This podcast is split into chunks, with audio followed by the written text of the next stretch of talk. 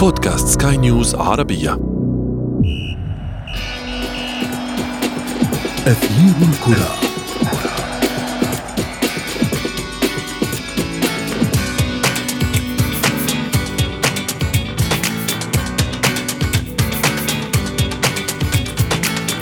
إذا كان الدوري الإنجليزي هو الأقدم والدوري الإسباني هو الأشهر فالدوري الإيطالي هو الأمتع. هذا ما قاله الأسطورة البرازيلية بيلي يوما ما. كيف لا وقد حمل هذا الدوري بنظر عشاقه كل ألوان وأشكال الإثارة وهو يعود بموسم جديد يحمل لنا المفاجآت والأسماء الجديدة سواء في صفوف النجوم أو على الخط المخصص للمدربين. وليس بعيدا عن إيطاليا. يد الفساد ترفض التوقف عن العبث في أروقة اللعبة. كل هذا والمزيد في أثير الكرة. معي أنا شذى حداد والبداية من العناوين.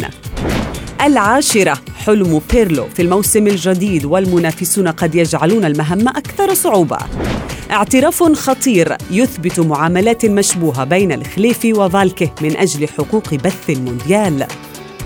وفي فقرة ما لا تعرفونه عن كرة القدم. نكشف لكم الفريق الذي صعد إلى قمة أوروبا لكنه قرر الانتحار من فوقها بسبب قضية فساد.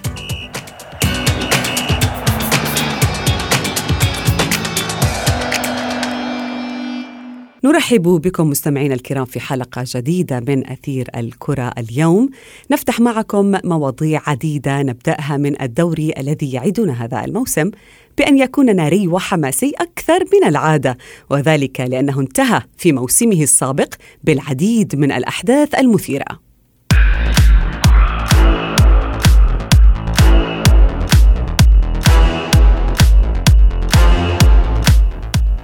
الدوري الإيطالي أو الكالتشو. سيقدم لنا موسما جديدا ونجوم جدد أيضا. هناك توقعات بأن يكون هذا الموسم استثنائي وذلك لأن البطل يوفنتوس يضع عينه على اللقب العاشر تواليا بقيادة فنية جديدة.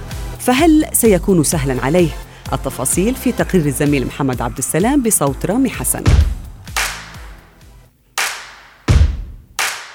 بتغييرات جديدة وتطورات مثيرة. يعود الدوري الإيطالي ليقص شريط الموسم الجديد من المتعة والندية. الكالتشيو وبعد أن تذوق كغيره من الدوريات الأوروبية الخمس الكبرى من كأس كورونا الموسم الماضي قرر أن يعود ويجلب معه شيئا إلى الموسم الجديد وهو التبديلات الخمسة أثناء المباراة والتي اعتمدت أثناء محاربة الاتحاد الدولي لكرة القدم لفيروس كورونا بعد العودة من التوقف القسري. وينطلق الكالتشيو بتوقعات مثيرة خصوصا أن البطل يوفنتوس مهدد أن يكسر أحدهم احتكاره لمنصة التتويج في السنوات التسعة الماضية. خصوصا أن البيانكونيري قدم أداء باهتا وصعبا في الدوري وانعكس سلبا على نتائجه في دوري الأبطال ما أدى لإقالة مدربه الإيطالي ماوريسيو ساري. وتسليم القيادة للاعبه السابق أندري بيرلو الذي لا يملك خبرة تدريبية مع الأندية الكبرى كما أنه ما زال يبحث عن مهاجم يدعم أسلوبه الجديد مع الفريق. مع استمرار فشل إبرام صفقة المهاجم الأوريغوياني لويس سواريز. وسيعاني يوفنتوس هذا الموسم من منافسة شرسة خصوصا من طرف إنتر ميلان الذي زاحمه على الصدارة لفترات طويلة كما يطور الفريق نفسه للمستقبل بقيادة الإيطالي أنطونيو كونتي حيث ضم ألكسندر كولاروف من روما وأشرف حكيمي من ريال مدريد بعدما أمضى فترة إعارة ناجحة في بروسيا دورتموند الألماني. أما لاتسيو الذي هدد يوفنتوس وغيره بأداء ملفت وبقيادة هداف الدوري تشيرو إيموبلي يتوقع أن يعود تحت إشراف المدرب إنزاجي لتحقيق مفاجآت أكبر في الأشهر المقبلة. الكثير من الأندية الإيطالية العملاقة استفاقت من سباتها في موسم كورونا حيث قدم إي سي ميلان بقيادة مدربه الجديد بيولي أداء مبهرا بعد العودة من توقف النشاط الرياضي. ويعول الروزونيري على نجمه الأوحد السويدي زلاتان إبرايموفيتش الذي أكد جاهزيته لموسم جديد مع العملاق الإيطالي إضافة إلى التعاقد مع الكرواتي أنتي ريبيتش وبشكل نهائي بعدما أعير للميلان من أينتراخت الألماني وسجل معه 12 هدفا متوجا نفسه هدافا للميلان في عام 2020 ولا يمكن أن ننسى التأثير الكبير والسحر الذي قدمه أتلانتا والذي سحق كبار أوروبا وليس فقط في إيطاليا حيث تمكن الفريق من إنهاء الدوري في المركز الثالث كما وصل للدور الرابع النهائي من دوري أبطال أوروبا قبل أن يخرج على يدي باريس سان جيرمان الفرنسي.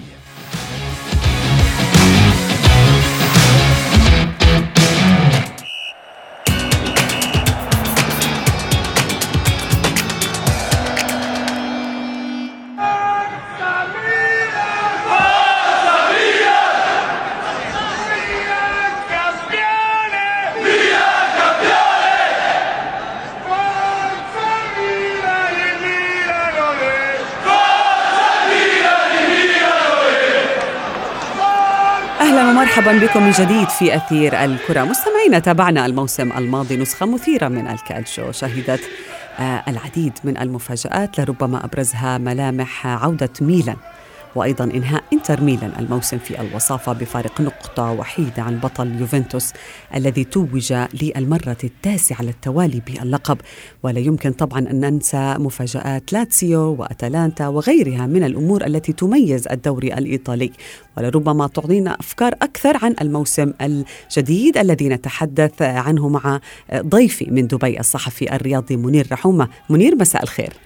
مساء الخير شذا أمسي عليك وأمسي على كل السادة مستمعي سكاي نيوز العربيه أهلا بك منير. كل هذه الأمور لربما تشير إلى أن المنافسة في الدوري الإيطالي في هذا الموسم الجديد لن تنحصر بين فريقين فقط.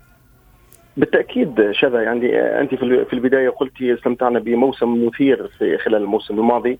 أعتقد هذا الموسم سيكون الجزء الثاني من الإثارة لأن أعتقد الموسم الماضي هي كانت بداية الإثارة وعودة الحياة الحقيقية للدوري الإيطالي وعودة الكرة الإيطالية إلى مستواها المعروف آه، خاصة الكاتشو كان قبلة نجوم العالم في كرة القدم وقبلة الجماهير العالمية.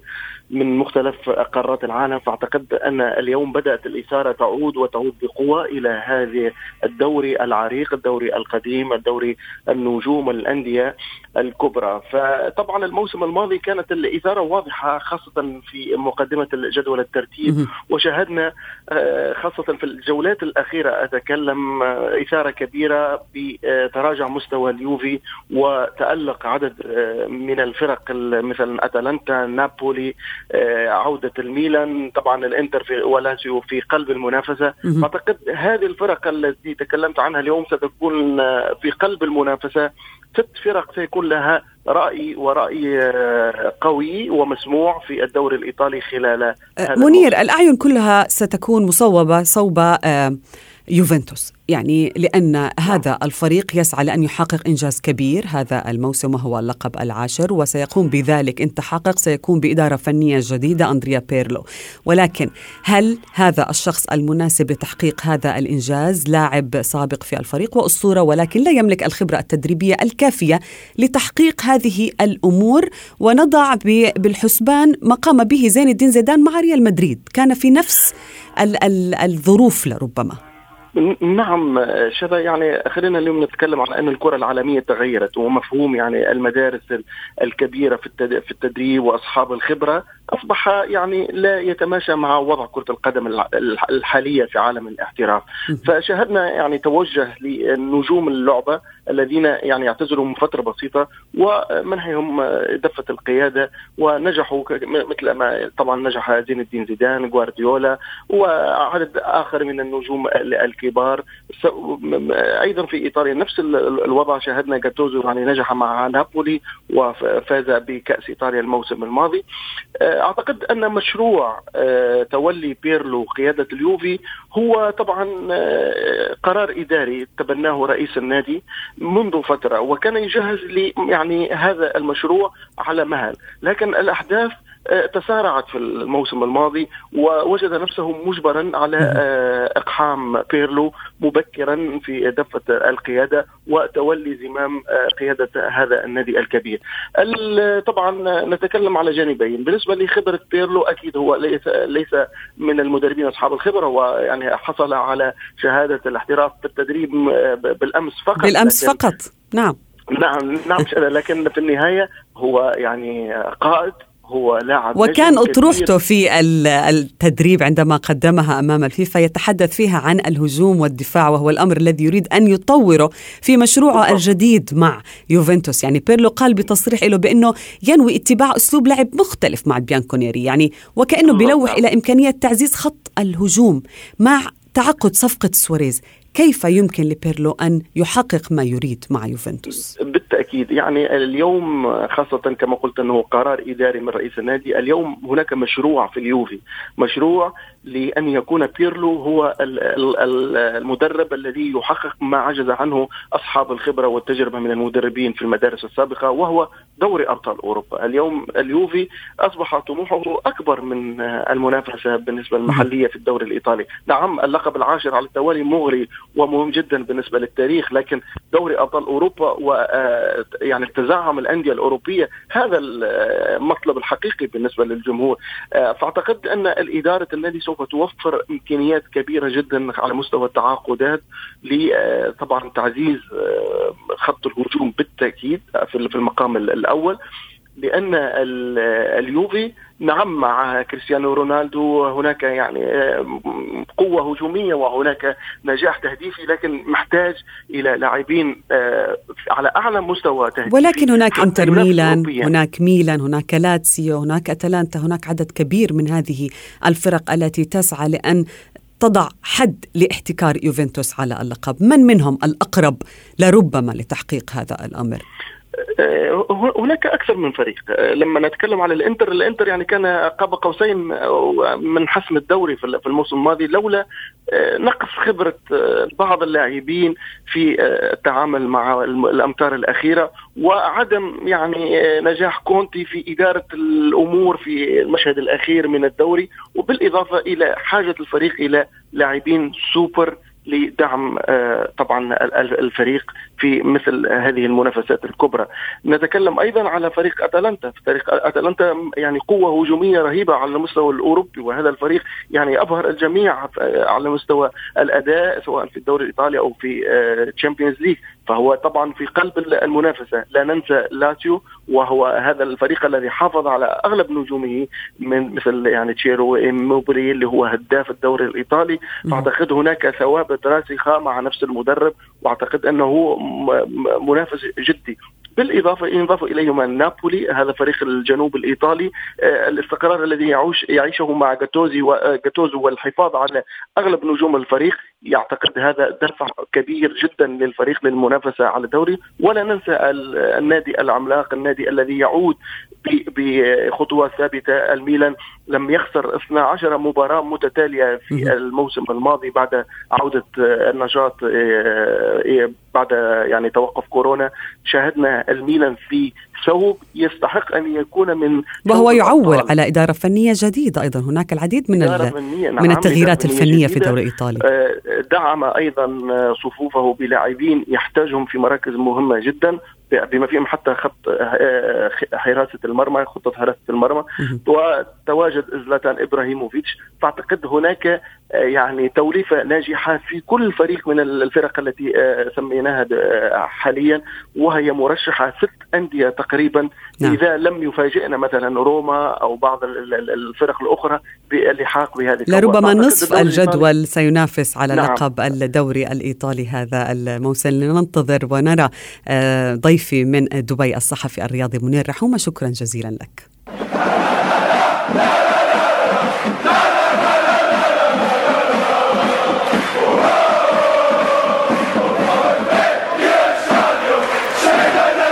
مستمعينا الكرام فيلا في بورتو سيرفو أحد أكثر المنتجعات ثراء في سردينيا تضع رئيس نادي باريس سان جيرمان الفرنسي في ورطة دولية. ناصر الخليفي وهو رئيس مجموعة بي أن سبورت الإعلامية متهم من قبل المحكمة الجنائية الفيدرالية في سويسرا باستغلال هذه الفيلا للحصول على مراده. وهو حقوق البث التلفزيوني لكأس العالم. وتتواصل لليوم الثالث جلسات محاكمة الخليفي وأيضا معه الأمين العام السابق للفيفا الفرنسي جيروم فالكي. والمحكمة تستمع لشهود جدد في هذه القضية. دعونا ندخل في تفاصيلها مع ضيفي من السعودية منصور الجبرتي الصحفي الرياضي. كابتن مساء الخير. مساء النور والسرور والرضا والسعادة. أهلا بك كابتن منصور، تفاصيل جديدة وخطيرة، هل آن الأوان لمحاسبة آه، أصحاب الفساد؟ هل ممكن أن نشاهد تغيير كبير في هذه القضية؟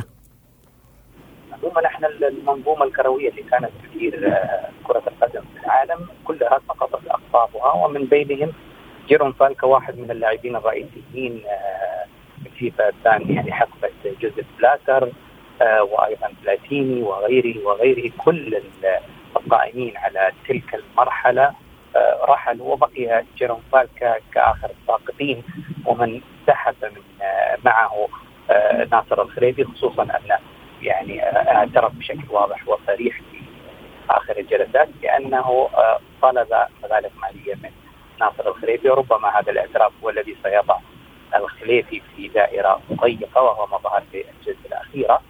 التي تحفظ فيها يعني على حد الإجابة بشكل مباشر وهو نوع من أنواع آه، اللي تعطيك انطباع أنه تحفظ عالي عندما سئل عن ثروته وحجم دخله أجاب انه المحامين أجابوا على هذا السؤال مسبقا وعندما أصر القاضي على سماع الإجابة منه آه، أجاب بنفس الإجابة التي أجاب فيها محاماه بأن دخله ثروته تتجاوز ال 70 مليون. إلى ال 100 مليون وأن دخله السنوي أو ارباحه السنوية تتراوح من 25 مليون دولار. آه هذه الأجواء التي تحيط بخليجي في الفترة الحالية آه لا تسير يعني في سبيلها في مصلحته وتسير آه باتجاه الاتهام ورغم أنه إحنا نعرف القضايا التي آه، يكون فيها القضايا العديدة آه، يعني في فرنسا هناك باريس سان جيرمان واللعب النظيف في بريطانيا قضية البنك باركليز وفي إيطاليا فيلا مقابل حقوق البث. كل هذه الأمور تشير بأن المحكمة التي من المقرر أن تنتهي في الخامس والعشرين من سبتمبر الحالي قد قد تكون نهاية كل هذه السيناريوهات. أم أن أننا سنشاهد كالعادة في الفيفا أو في المحاكم هذه أن يكون هناك سيناريو أطول مما كان من قبله. القضايا القانونية دائما تأخذ السيناريوهات الافضل أنا أتخيل أنه آه، دائما آه، اطقم المحاماة قادرة على آه، إطالة نفس القضايا. يعني إحنا مثلا في قضية الفيلا التي استخدمها جيروم بالكا كان هناك تفاهم بين الفيفا وبين الشريفي على يعني إيجاد حلول للقضية بشكل أو بآخر. لذلك أعتقد إنه النفس سيكون اطول القضايا في عدة آه، جبهات ولكن الجبهة الحالية ناصر الصيفي هو النقطة الأضعف فيها ربما القضايا الأخرى. لا زالت لا زالت الأمور تسير باتجاهات مختلفة ولا زال هناك مجال للصراع أو فتح ملف جانبي أو آه، إيجاد حلول أو حتى المقارعة لتطويل أمد القضايا. لكن في هذه القضية في ظل اعتراف جيروم فالكا بطلب المبالغ بشكل واضح وفي ظل الجلسة الأخيرة التي بدأ فيها الخليفي آه متحفظا إلى درجة كبيرة آه وحاول عدم الإجابة على عدد من الأسئلة. أعتقد هذه الأجواء ربما يعني تشير بوضوح إلى عدم سير الأمور كابتن منصور هل تطال القضية أشخاص آخرين. هل ممكن أن تطال هذه القضية؟ مثلا رئيس الفيفا الحالي جاني إنفانتينو وهو اتهم هذه هذه السنة يعني بأن هناك وخضع لإجراءات قانونية معينة على خلفية عقد اجتماع سري بينه وبين رئيس الفيفا أو المدعي العام السويسري مايكل لوبر.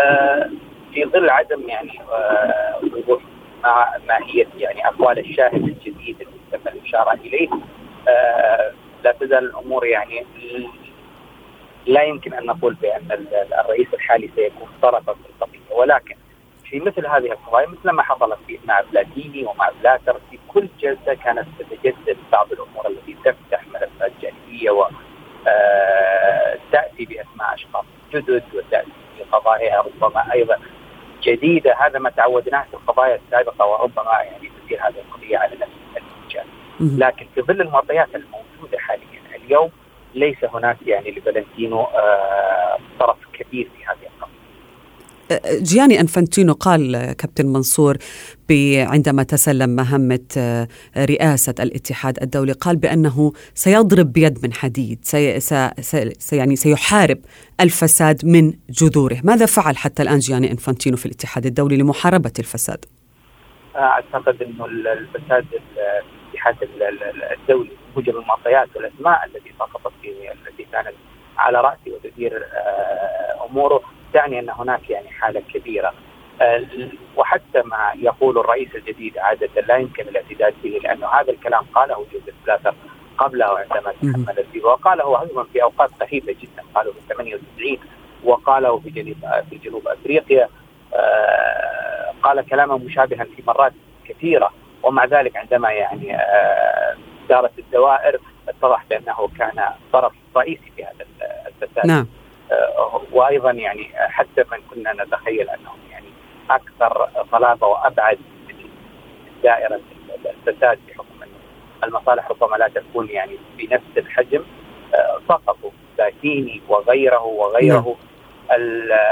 التصريحات. مثل هذه التصريحات أنا شخصيا أجد أنها آه، يعني لا تعني شيئا لأننا في كل مرة كنا نرى بأن من يصرحون ومن يقولون كلاما آه، طويلا وعريضا. الأفعال ربما هي لابد أن تكون أقوى من الأقوال. شكرا جزيلا لك منصور الجبرتي الصحفي الرياضي من السعودية. شكرا جزيلا لك. جذور الفساد مستمعينا الكرام موجودة في عالم كرة القدم منذ قديم الزمان. وفي فقرة ما لا تعرفونها عن كرة القدم نكشف لكم كيف تسبب هذا الأمر بإسقاط أحد كبار الدوري الفرنسي إلى القاع. ففي عام 93 توج فريق مارسيليا بلقب دوري أبطال أوروبا على حساب إي سي ميلان. لكن التتويج هذا شابهه آه، فضائح رشا لاحقت النادي الفرنسي ورئيسه برنار تابييه في الدور المحلي حيث كان مارسيليا يسعى لإنهاء الدور مبكرا والتفرغ للنهائي الأوروبي وتنتظره مباراة أمام فالنسيان. وبالفعل قدم رئيس النادي آه، رشوة لثلاثة لاعبين من الفريق الخصم قدرت قيمتها ب 750 ألف فرنك فرنسي لكن اثنين من اللاعبين قبلاها أما الثالث لم يرفضها فقط بل خرج لوسائل الإعلام للتحدث عنها وكشف فضيحة مارسيليا. وبعد تحقيقات الشرطة تم حرمان هذا الفريق من المشاركة في دوري أبطال أوروبا في النسخة التي تليها مع خسارته العديد من العقود الإعلانية كما أعلن مارسيليا إفلاسه ليذهب إلى غياهب الدرجة الثانية مجبراً. ويذكر بأن بطل الكشف عن الفضيحة اللاعب جاك جلاسما فاز بجائزة الفيفا للروح الرياضية عام 95 وصلنا وإياكم مستمعين الكرام إلى صافرة النهاية من حلقة اليوم. انتظرونا في موعد جديد من أثير الكرة الاثنين المقبل. كنت معكم أنا شد حداد. إلى اللقاء. أثير الكرة.